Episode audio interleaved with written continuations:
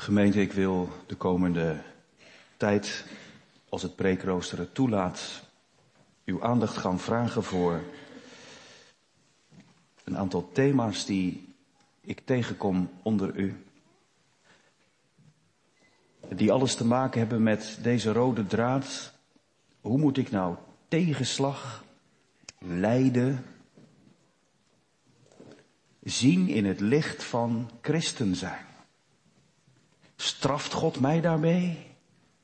Wil Hij mij daar nou juist sterker mee maken? Hoe moet ik die voorvallen in mijn leven duiden? En de eerste preek gaat over het gedeelte dat u ziet aangekondigd. 1 Petrus 4. En dan met name vers 17 tot en met 19. Maar voor het verband beginnen we te lezen bij vers 12. 1 Petrus 4 vers 12 en we lezen door tot en met het elfde vers van hoofdstuk 5.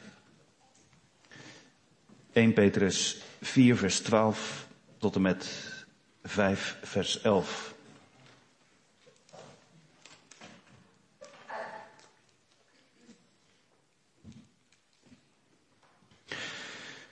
Geliefden, laat de hitte van de verdrukking onder u, die tot uw beproeving dient, u niet bevreemden verbazen. Alsof u iets vreemds overkwam.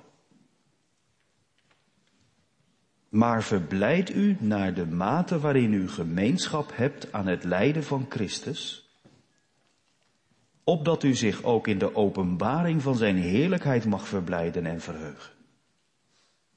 Als u smaad wordt aangedaan om de naam van Christus, dan bent u zalig want de geest van de heerlijkheid en van God rust op u. Wat hen betreft wordt hij wel gelasterd, maar wat u betreft wordt hij verheerlijkt. Maar laat niemand van u lijden als een moordenaar of dief of kwaaddoener of als iemand die zich met de zaken van iemand anders bemoeit. Als iemand echter als christen lijdt, Laat hij zich daarvoor niet schamen, maar God in dit opzicht verheerlijken. En dan komen de woorden waar we vanmorgen bij stilstaan, vers 17 tot en met 19. Want nu is het de tijd dat het oordeel begint bij het huis van God. En als het eerst bij ons begint, wat zal het einde zijn van hen die het evangelie van God ongehoorzaam zijn? En als de rechtvaardige nauwelijks zalig wordt, waar zal de goddeloze en de zondaar verschijnen? Daarom laten ook zij die lijden naar de wil van God, hun zielen aan Hem als de getrouwe schepper toevertrouwen in het doen van het goede. De ouderlingen onder u roep ik ertoe op als mede-ouderling en getuige van het lijden van Christus en deelgenoot van de heerlijkheid die geopenbaard zal worden.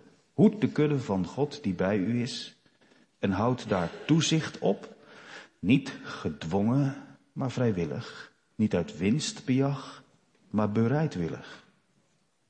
Ook niet als mensen die heerschappij voeren over het erfdeel van de Here, maar als mensen die voorbeelden voor de kudde geworden zijn. En als de opperherder verschijnt, dan zult u de onverwelkbare krans van de heerlijkheid verkrijgen. Evenzo jongeren, wees aan de ouderen onderdanig. Wees allen elkaar onderdanig, wees met nederigheid bekleed, want God keert zich tegen de hoogmoedigen, maar de nederigen geeft hij genade. Verneder u dan onder de krachtige hand van God, opdat hij u op zijn tijd verhoogt werpende al uw zorg op hem, want hij zorgt voor u. Wees nuchter en waakzaam, want uw tegenpartij, de duivel, gaat rond als een brullende leeuw op zoek naar wie hij zou kunnen verslinden. Bied weerstand aan hem. Vast in het geloof, in de wetenschap dat hetzelfde lijden ook aan al uw broeders in de wereld opgelegd wordt. De God nu van alle genade die ons geroepen heeft tot zijn eeuwige heerlijkheid in Christus Jezus. Hij zelf mogen u, na een korte tijd van lijden, toerusten, bevestigen, versterken en funderen. Hem zij de heerlijkheid en de kracht in alle eeuwigheid. Amen. Tot zover de lezing uit het woord van God. Laten we samen nog een keer de versen 17 tot en met 19 van 1 Petrus 4 lezen als uitgangspunt voor de verkondiging. 1 Petrus 4 vers 17 tot en met 19. Want nu is het de tijd dat het oordeel begint bij het huis van God. En als het eerst bij ons begint, wat zal het einde zijn van hen die het evangelie van God ongehoorzaam zijn? En als de rechtvaardige nauwelijks zalig wordt, waar zal de goddeloze en de zondaar verschijnen? Daarom laten ook zij die lijden naar de wil van God hun zielen aan Hem als de getrouwe schepper toevertrouwen in het doen van het goede. Het thema voor de preek is als christen lijden. Als een christen lijden.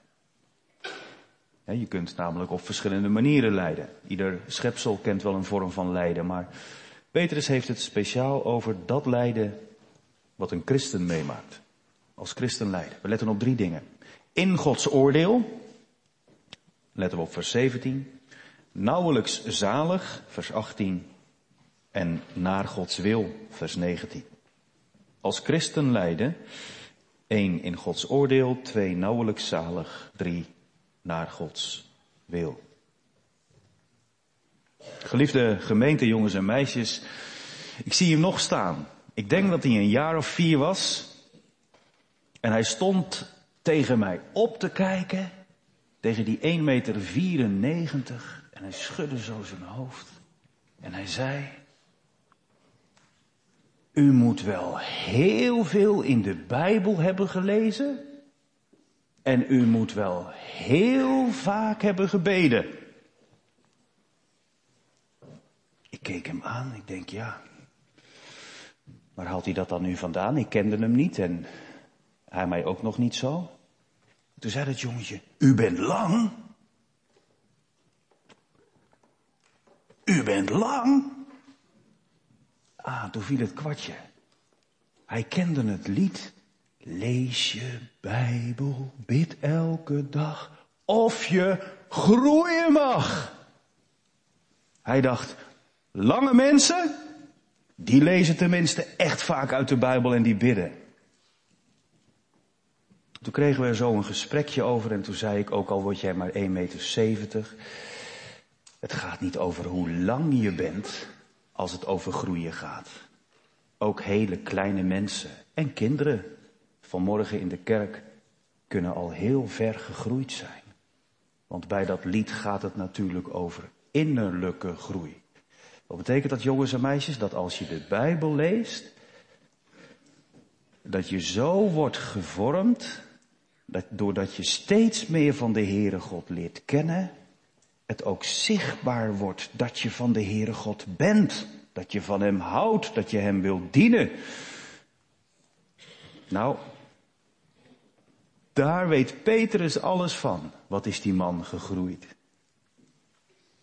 Nou, zegt er iemand, dat is een beetje denigrerend. Wie denkt u wel dat u bent, dat u kan zeggen dat, dat, dat, dat Petrus moest groeien? Nou ja, de Bijbel. In het evangelie komen we hem toch tegen als iemand die uh, rap van uh, tong is. En soms kort van geheugen. Die snel vooraan gaat staan en soms weer teruggefloten moet worden. Die prachtige dingen beleidt en er helemaal voor wil gaan, maar zo nu en dan ook echt helemaal onderuit gaat. Wie denkt niet aan die prachtige geloofsbeleidenis van Petrus in Matthäus 16 bijvoorbeeld, als Jezus zegt, het is allemaal best hoor wat de mensen van mij vinden en zeggen, maar wie zeg jij nou dat ik ben? En dan zegt hij, u bent de Christus, de Zoon van de levende God. Hij herkende in Jezus de Messias. Zo frank en vrij. En dan zegt Jezus ook, Petrus, dat zeg je niet op basis van je karakter en op basis van jouw goede inzicht. Dat heeft geen vlees en bloed jou bekendgemaakt, maar mijn vader die in de hemel is, die heeft jou dat geleerd.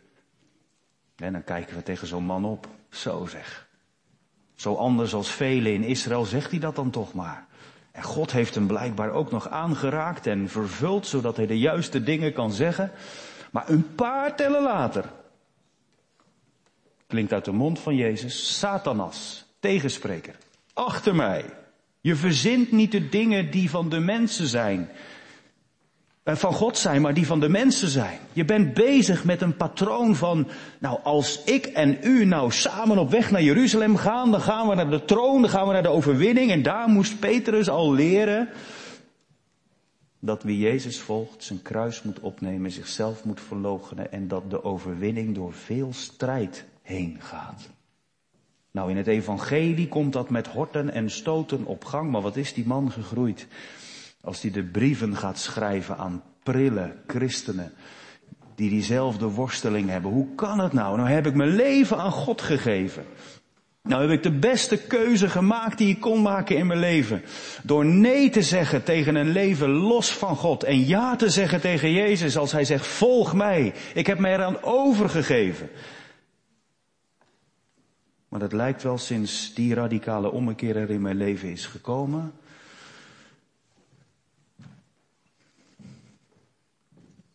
dat het er niet makkelijker op wordt. Nou, zegt Petrus, dat lijkt niet alleen zo. Dat is zo. Dat wisten we natuurlijk allemaal al, hè? Door veel verdrukkingen ingaan. Strijd de goede strijd. Neem je kruis op, verlogen jezelf. En nog een hele rij van dat soort Bijbelteksten. En toch als het recht op aankomt en je moet er doorheen, dan voelt het soms eerder alsof je in Gods ongenade valt, dan dat je in de genade van God deelt. Toch is dat laatste echt het geval. Dat is wat Petrus de lezers gaat leren en ook ons vanmorgen. En even voor het verband, hè, voordat we in dat oordeel van God stappen, want dat is nogal wat. Voordat we vers 17 binnengaan, even de context van dit hoofdstuk. Petrus heeft eerst even samengevat aan het begin van hoofdstuk 4. Wat is er nou eigenlijk met jullie gebeurd? jullie lijken een beetje, ja, te vertragen. De gang is eruit. De vreugde lijkt weg te zijn. Je vraagt je af waarom is er zoveel lijden in ons leven? Dan zegt Petrus, denk nog eens even terug. Hoe is dat ook alweer gegaan? Christus heeft toch voor jullie geleden in het vlees? Nou, dan mogen jullie je wapenen met diezelfde gedachte. Dat als je net zoals Christus geleden hebt, dan moet je ophouden met het dienen van de zonde. En gebruik de rest van je leven, 1 Petrus 4 vers 2, niet meer om de begeerte van de mensen, van jezelf en van de wereld te volgen, maar om naar de wil van God te leven. Het gaat om mensen die eerst helemaal meededen met uh, ja, losbandigheid, vers 3, begeerte, dronkenschap, zwelgpartijen, drinkgelagen en allerlei walgelijke afgoderij, toe maar. En dan komt in 1 Petrus 4, vers 4 een sleuteltekst om de rest te verstaan. Heeft alles met dat lijden te maken wat die christenen meemaken. Petrus zegt, degene waar jullie eerst deel van uitmaakten, de groep, de clan, waar je mee kon doen, kon feesten, zonder de vreugde van God in je hart, kon drinken zonder de dankbaarheid dat God ook wijn kan geven, maar op een verkeerde manier hebt geleefd, ja, die mensen, die zagen jullie vertrekken. En dan lezen we, het bevreemdt hun dat u niet meer meeloopt in dezelfde uitbarsting van losbandigheid. En daarom belasteren zij u. Dat is wat deze prille christenen meemaken. De groep waar ze eerder toe behoorden, moet je je voorstellen, collega's, maar ook familieleden. Die scheidslijn liep daar gewoon dwars doorheen. Moet je je voorstellen dat dat plaatsvindt in een huwelijk tussen ouders en kinderen, broers en zussen onderling. Jij maakt wel die keus. Jij komt tot geloof. En die anderen, ja, die willen gewoon volhouden in dat leven. Maar doordat jij het beeld van Christus vertoont, voelen ze wel aan. Dit is zo'n mega verschil. Zonder dat je belerend met het vingertje je met een andermans doen bemoeit. Juist doordat je laat zien dat je leven opknapt. En zij hun oude leven niet willen loslaten, ben je iedere dag een preek voor hen. En dat is zo irritant als je aan de zonde wil vasthouden. Dat ken ik ook heel goed uit mijn eigen leven. Nee, niet die veroordelende christenen. Daar had ik last van. Niet die vinger van een schoolmeester die zegt, jij bent slecht, jij moet verbeteren. Maar leeftijdsgenoten, ouders, familieleden, die, ik zag en waarvan ik merkte, ja, dat leven wat zij leven, daar gaat zoveel van uit, maar ik moet er te veel voor opgeven. daarom is het zo irritant. Ik wil dat ook wel, maar later. Maar, zegt Petrus in vers 5 van hoofdstuk 4, hou er rekening mee. Als je belasterd wordt door die mensen, zij moeten ook gewoon een keer rekenschap afleggen. Aan Hem, Jezus Christus, die gereed staat om te oordelen de levenden en de doden.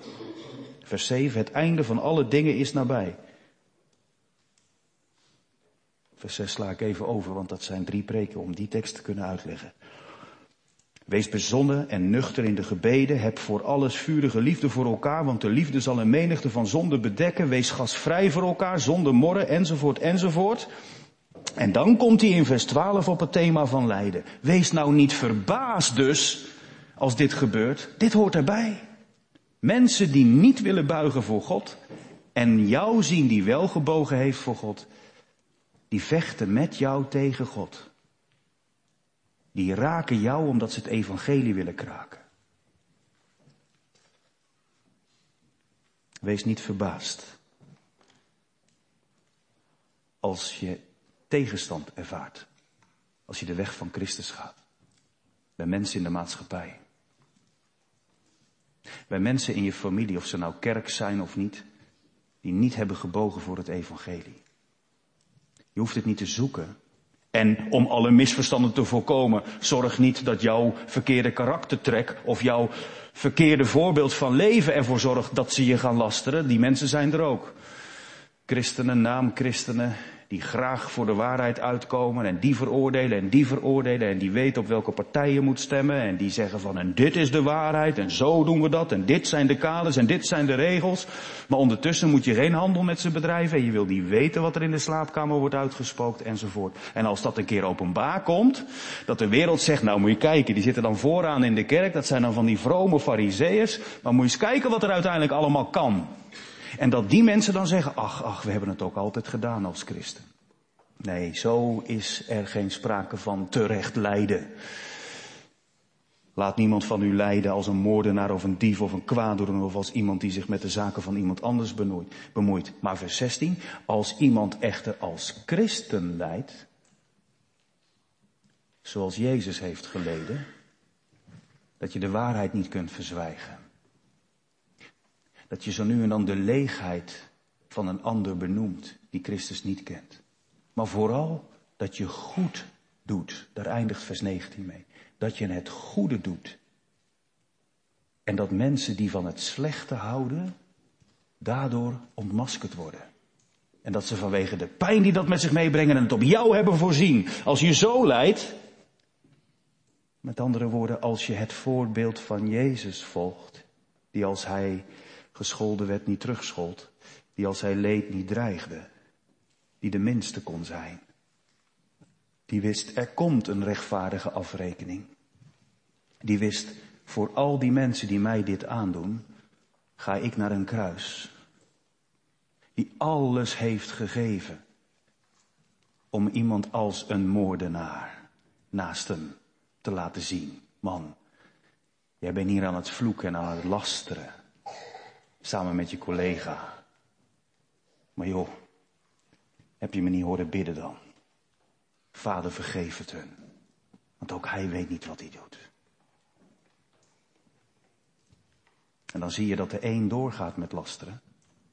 En dat de scheiding valt. En dat hij begint met bidden. Wilt u nog eens aan me denken?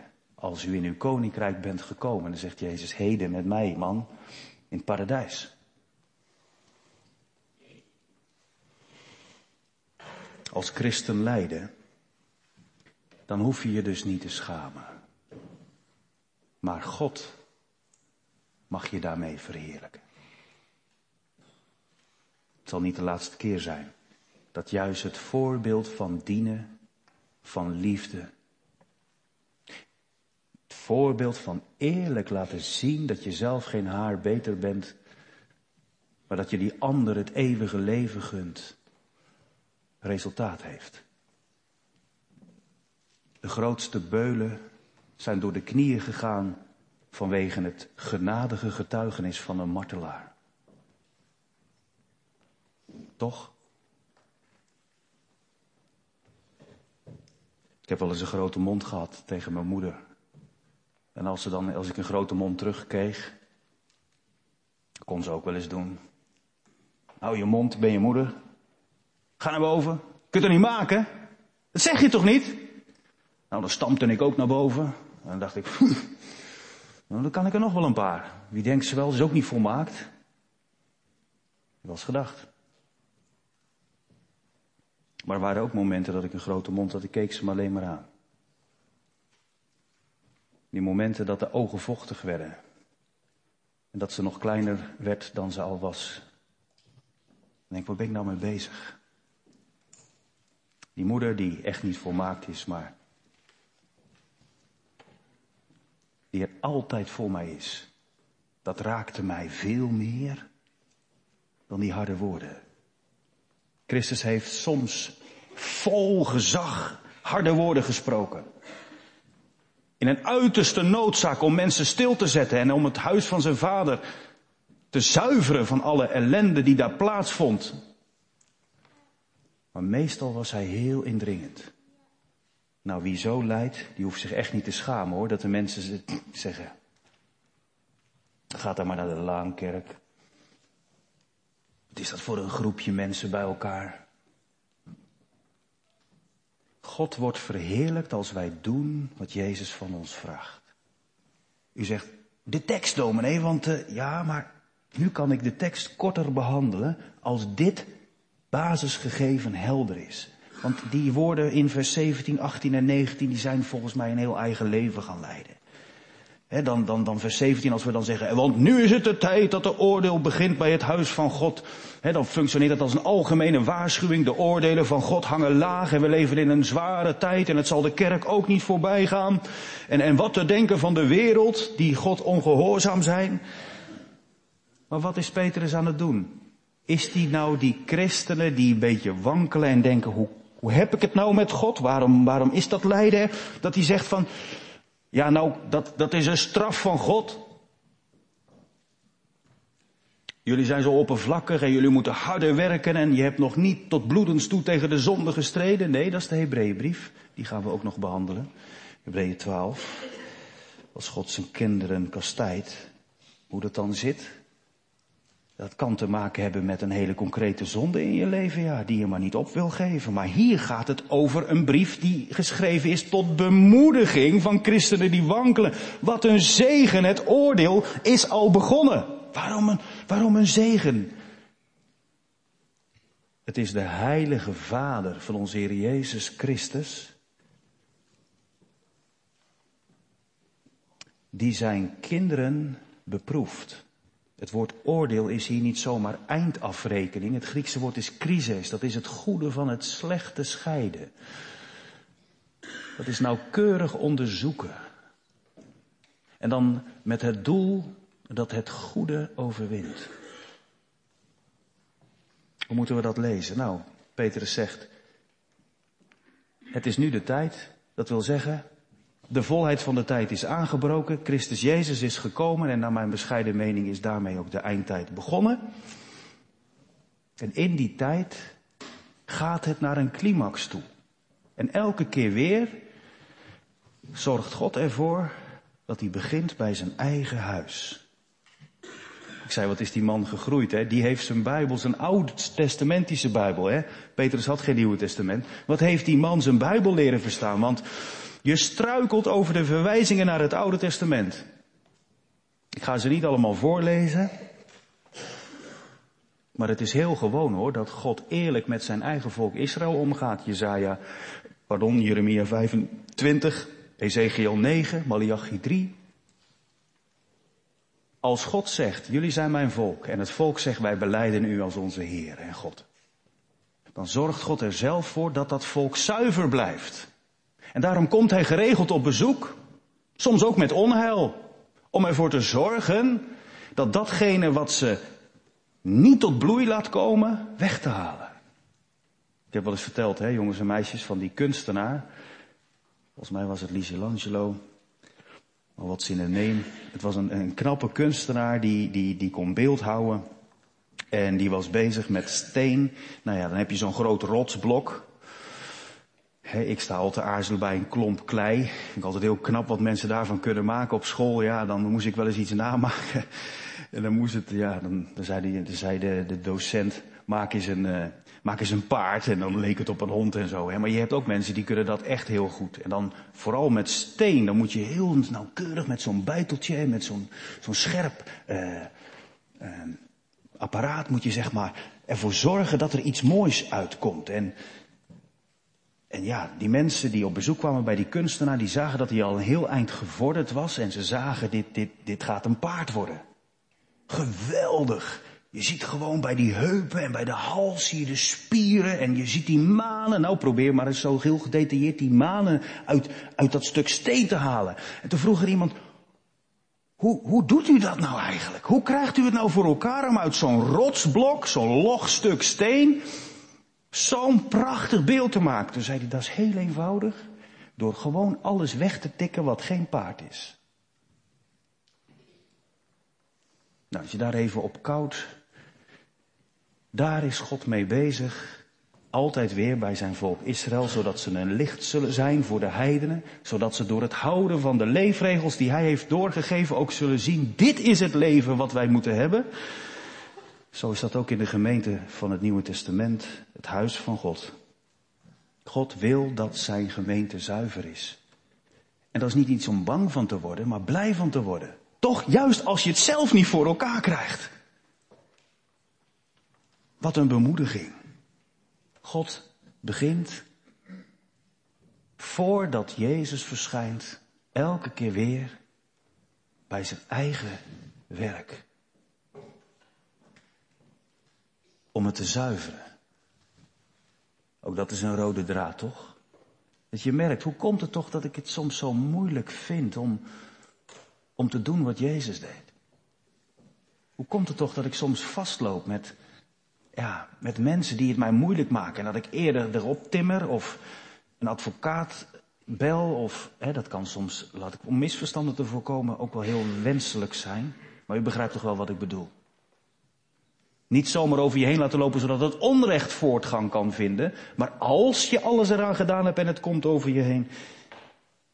Om dan te weten, heren, Zorg dat er in ieder geval bij mij geen zondige reactie zal zijn. Dat ik die andere wang en die tweede en derde en vierde muil en ook dat kledingstuk wat niet gevraagd wordt er ook nog maar bij geef. Dat ik, dat ik zo als Jezus mag zijn. Want u weet van uw eigen werk. Beproef mij van omhoog, doorgrond mijn hart, heren. Leiden als een christen in Gods oordeel. Dat wil zeggen, ik hoef me niet te schamen. Voor God niet en voor de mensen niet. Als ik lijd. Als ik pijn ervaar. Want God heeft als doel om mij net zoals die beeldhouwer tik, tik, tik, tik, zo te bijtelen, zo te louteren, zo te beïnvloeden, dat juist door de tegenstand die ik ervaar, steeds meer op het oorspronkelijke beeld gaan lijken waar God mij voor schiep. Gemeente, groeien in geloof is alles verbonden met lijden als een christen. En groeien in geloof betekent niet per se zelf steeds iets meer worden. Toch? Maar wat Johannes zei, hij moet groeien en ik moet minder worden. dat jij, als je op school rondloopt, of als je broertje naar je kijkt, je bent helemaal geen 1,94. En dat mensen toch zeggen, wat is die groot? Wat is die groot? Wat is die goed? Omdat ze zeggen, hij lijkt op de Heer Jezus. Dat de Heere God, als Hij jou oordeelt, zegt, dat klopt. Want ik heb er vandaag weer een stukje afgehaald. In Gods oordeel. Als iemand als christen leidt, laat hij zich daarvoor niet schamen, maar God in dit opzicht verheerlijken. Want, reden, het is de tijd dat het oordeel begint bij het huis van God en dan komt het. En als het eerst bij ons begint, wat zal het einde zijn van hen die het evangelie ongehoorzaam zijn? Hoort u het? Let er toch op. Je hoeft je niet te schamen als je tegenstand ervaart. Leid als een christen en weet dat God als Hij ons onder handen neemt, ons steeds sterker maakt om Jezus straks onder ogen te komen zonder schrik. Maar die anderen, die je belasteren en belagen. Je hoeft het ze niet te gunnen. Alsjeblieft zeg. Zo niet. Geen wraak, die is aan God. Maar wel de overtuiging. Het komt een keer. Eerlijk terecht. Het einde van hen die het evangelie van God ongehoorzaam zijn. Wat is dat? En geliefde gemeente, dat is niet best. Hè? Dat is uiteindelijk de eeuwige God verlatenheid. Zoals Johannes dat in een visioen heeft waargenomen en het hem bekend gemaakt heeft, is daar waar God niet meer is, ook nooit meer komt. Waar je je leven leeft zoals je hier op aarde hebt gekozen. Zonder God. En die mensen worden niet genoemd wereldse mensen, lichte mensen. Die mensen worden hier niet genoemd. Mensen met een lelijk karakter. Ze worden hier getekend in hun grootste zonde. Wie komen er uiteindelijk definitief in de hel zoals Johannes daarover schrijft? Wat is het einde van mensen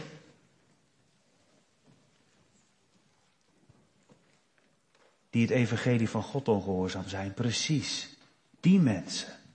Dat is de grootste zonde. En dat is ook de reden waarom christenen gelasterd worden. Omdat mensen het evangelie in hen niet willen. Het is een retorische vraag. Het antwoord is toch wel duidelijk. Het is eigenlijk het antwoord wat Asaf ook kreeg. Let op hun einde. Nee, niet om er dan bij de verwarming maar eens even handenwrijvend bij te gaan zitten. God zal jullie allemaal nog wel eens een keer goed inpakken. Alsjeblieft niet. Dat is niet de gestalte van Christus.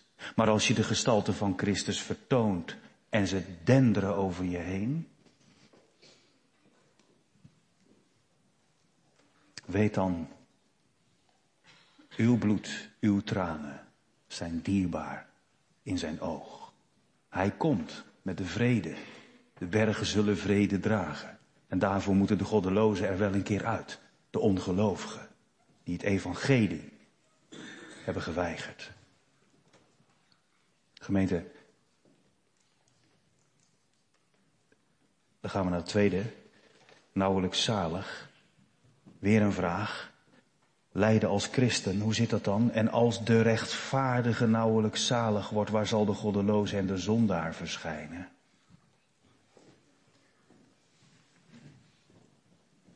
Misschien zit u daar wel mee met die tekst. Zo wordt hij ook wel eens uitgelegd, los uit het verband wat ik tot nu toe heb geschetst. Oh, dit is nog eens even een, eh, een duidelijke onderstreping. Denk erom hoor, er worden niet veel mensen zalig. Want als echte bekeerde, zo functioneert het woord rechtvaardige dan, als echte nette bekeerde mensen er maar nauwelijks van zalig worden, ja, dan hoeft de goddeloze en de zonder al helemaal niet te vragen om genade. Het zijn er maar enkele. Maar het gaat hier niet over de eerste bekering, gemeente. Die rechtvaardige, die moet in zichzelf zeggen, ik was goddeloos. God maakt goddelozen zalig, toch? Dit is een betrouwbaar woord en alle aanneming waardig dat Jezus Christus in de wereld gekomen is om zondaren zalig te maken. Niet rechtvaardigen. Dat is precies ongehoorzaam zijn aan het evangelie als je het zo zegt. Moet eerst dit en dan? Nee. Hier gaat het over de heiliging. Paulus geeft opnieuw een bemoediging. Let er toch eens op.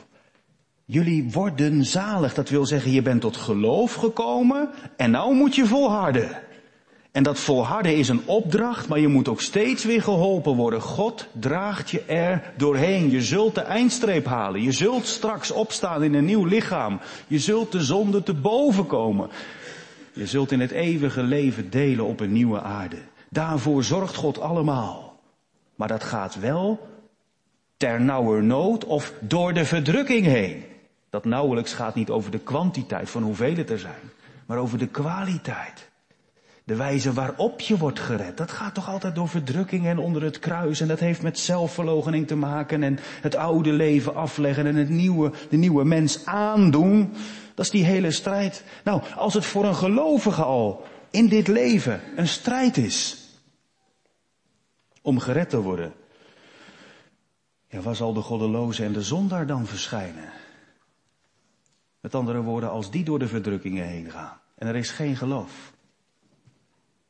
Als die voor keuzes worden gesteld en er is geen verbinding met God, ja, dat gaat hem niet worden. Daar bedank je dan toch voor.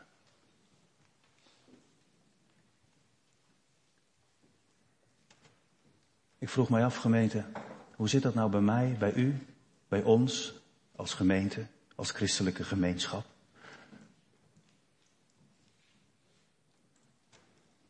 Hoe functioneert dat dan? Ja, we zien om ons heen dat er heel veel mensen zijn die zeggen, ja dag, ik ga geen God dienen die zijn eigen kind aan een kruis laat martelen. Als God dan liefde is, waarom? Ik kan niks met die God. Ik wil dat evangelie helemaal niet. Want zelfs als ik zou geloven dat dat liefde is, het is zo'n bekrompen ethische moraal, dat christelijk geloof. Maar hoe is het dan bij ons? Als zulke mensen ons aankijken en zeggen dat wij, gaan we nou mee met die beweging of blijven we staande? Gaan wij echt door de verdrukkingen heen? Worden wij door de moeite heen gered? Of kwam u tot geloof en denkt u, ja, eigenlijk hoeft voor mij Jezus niet terug te komen, want ja, weet je, ik weet toch, mijn zonden zijn vergeven, maar voor de rest, ik kan het hier eigenlijk prima wel uithouden. Of leid je eraan, net zoals Christus leed? Stuit je op tegenstand? Ik dacht, heel eerlijk, en ik begin maar bij mezelf, dat ik ja, bij lijden om Christus wil vooral aan Korea denk en Irak en Jemen en nou, China en wat minder bij Nederland.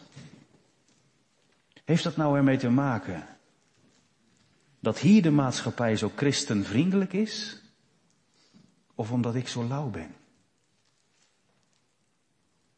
Vertoon ik wel het beeld van Christus? Of denk ik het beeld van Christus is vooral een beetje meegaan? Erg gericht naar binnen? We moeten met elkaar christen zijn in de gemeente. Nee, ik hoef niet te vragen, oh God, geef me maar veel lijden om Christus wil. Maar ik mag mezelf wel de vraag stellen, als ik het niet of nauwelijks ken, draag ik dan wel wat uit?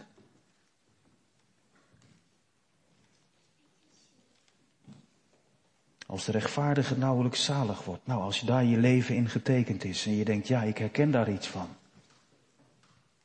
Dan weet ik dat Jezus zal komen.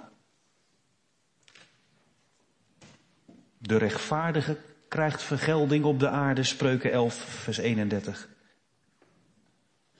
Maar ook de goddeloze en de zondaar. Daar heeft Peter eens aan gedacht. En dan? Tot slot. Stopt hij dan? Nee. Daarom conclusie. Samengevat, verbaas je er niet over. Dit hoort erbij. God wil je daar zo door dat lijden heen op Jezus laten lijken. Let op het einddoel. Het komt een keer terecht. Als je dat weet, daarom laten ook zij die lijden naar de wil van God. Hun zielen aan Hem toevertrouwen. Dat is het gemeente. Wat ik met al mijn onmacht soms ook. En met al mijn onkunde probeer mee te geven in het pastoraat. En vanmorgen dan ook vanaf de kansel. Dit is datgene wat de doorslag geeft. Al kun je vanmorgen zeggen, nou verfrissend, had ik nog nooit zo die tekst gelezen, mooi. Maar als je wordt verzocht, als je wordt beproefd, als je door dat lijden heen gaat, dan heb je niks. Nee, dat is niet waar. Dan heb je ook wat aan een goede exegese. Dan heb je ook wat aan een, aan een geloof wat wat weet. Ik weet dit, dit hoort erbij. Maar wat is geloof echt? Je toevertrouwen. Heer, ik begrijp het niet altijd. En ik kan er soms met mijn verstand niet bij dat u dit laat voortbestaan in de familie, op mijn werk, in de maatschappij. Ik wil wel lijden om uw naams wil, maar als het dan maar wat oplevert, maar soms levert het helemaal niets op. Denk aan het leven van Jezus. Na zijn dood en opstanding zijn er velen gaan geloven, maar en zullen er van zijn volk ook nog velen tot bekering komen. Israël. Maar in de tijd dat hij op aarde was, was een grote schare. Groter dan vaak gedacht wordt. Het was geen enkeling. Maar het aangrijpende was dat velen hem verwierpen. wat heeft hij gedaan? Zijn hele leven gewijd en toevertrouwd aan God. Petrus noemt God hier een getrouwe schepper. Denk je soms ook, mijn weg is voor God verborgen. Dat recht van God, dat gaat aan mij voorbij. Jezaja 40, hè. Hef nou je hoofd eens omhoog. Zie nou eens wie dat alles geschapen heeft. Waarom zeg je dat dan? Heel het heelal past in de span van mijn hand, weet u nog. Ik ben de schepper. Die zo trouw is dat als jij moe wordt, ik je opricht. Je hoeft niet te struikelen. Ik zal je vleugels geven als van een arend, zodat je het overzicht houdt. En ik zal als je vermoeid bent, je kracht geven om door te gaan. Daarom, als je leidt naar de wil van God, je ziel omhoog. De Heere zal uitkomst geven. Dat is geloof. Maar geloof is ook handelen. Doe, het, vertrouw jezelf zo aan God toe, dat je ook het goede doet. Heren, al doet het mijn vlees soms pijn, al kost het me voor mijn gevoel te veel. Ik doe wat u van mij vraagt. Wat is dat doen van het goede dan? Nou, ik geef twee korte voorbeelden, het is ook tijd. 1 Petrus 2, vers 12. Als je terugbladert. 1 Petrus 2, vers 12. is weer iets voor op de koelkast of uh, als openingsscherm van je laptop. Of hang het bij de deur. Weer zo'n bijbeltekst. Wat is nou het doen van het goede? Terwijl je lijdt. Nou, voor iedereen in bijzonder voorbeeld in 1 Petrus 2 vers 12. Houd uw levenswandel onder de heidenen goed. Opdat zij die van u kwaad spreken als van kwaaddoeners. Door de goede werken die u doet, die zij in u waarnemen. God verheerlijken mogen. Wat zal dat zijn? Op de dag dat er naar hen omgezien wordt. Dat er door dat wat jou zoveel kostte, eenmaal iemand zal opstaan voor de witte troon van Jezus en zal zeggen, dank je. Dank je dat je me zo hebt behandeld. Want zo ben ik ook God gaan verheerlijken. En nog een hele praktische. Daar mag u ook even op kouwen. 1 Petrus 3, vers 1 en 2. Evenzo vrouwen, dus speciaal voor de vrouwen, de getrouwe vrouwen. Getrouwde vrouwen. Wees uw eigen mannen onderdanig. Zo. Opdat ook als sommigen aan het woord ongehoorzaam zijn, zij door de levenswandel van de vrouwen zonder woorden gewonnen mogen worden. Doordat zij uw reine levenswandel in de vrezen des Heren waarnemen. Zomaar twee voorbeelden van het doen van het goede. Levert dat wat op? Jazeker. Let op het leven van Christus. Let op de kracht van het evangelie dat naar Pinksteren wereldwijd is uitgegaan. Verwacht de bekering van Israël. God is getrouw. Hij wil niet dat er ook maar iemand verloren gaat. En als er mensen verloren gaan, moet het niet aan u liggen dat ze hem met een beschuldigende vinger naar u kunnen wijzen. Omdat u het verkeerde voorbeeld hebt gegeven. Maar dan zal God het voor je opnemen. En met een beschuldigende vinger ze storten in het verderf. En u wordt opgenomen in heerlijkheid. Maranatha. Amen.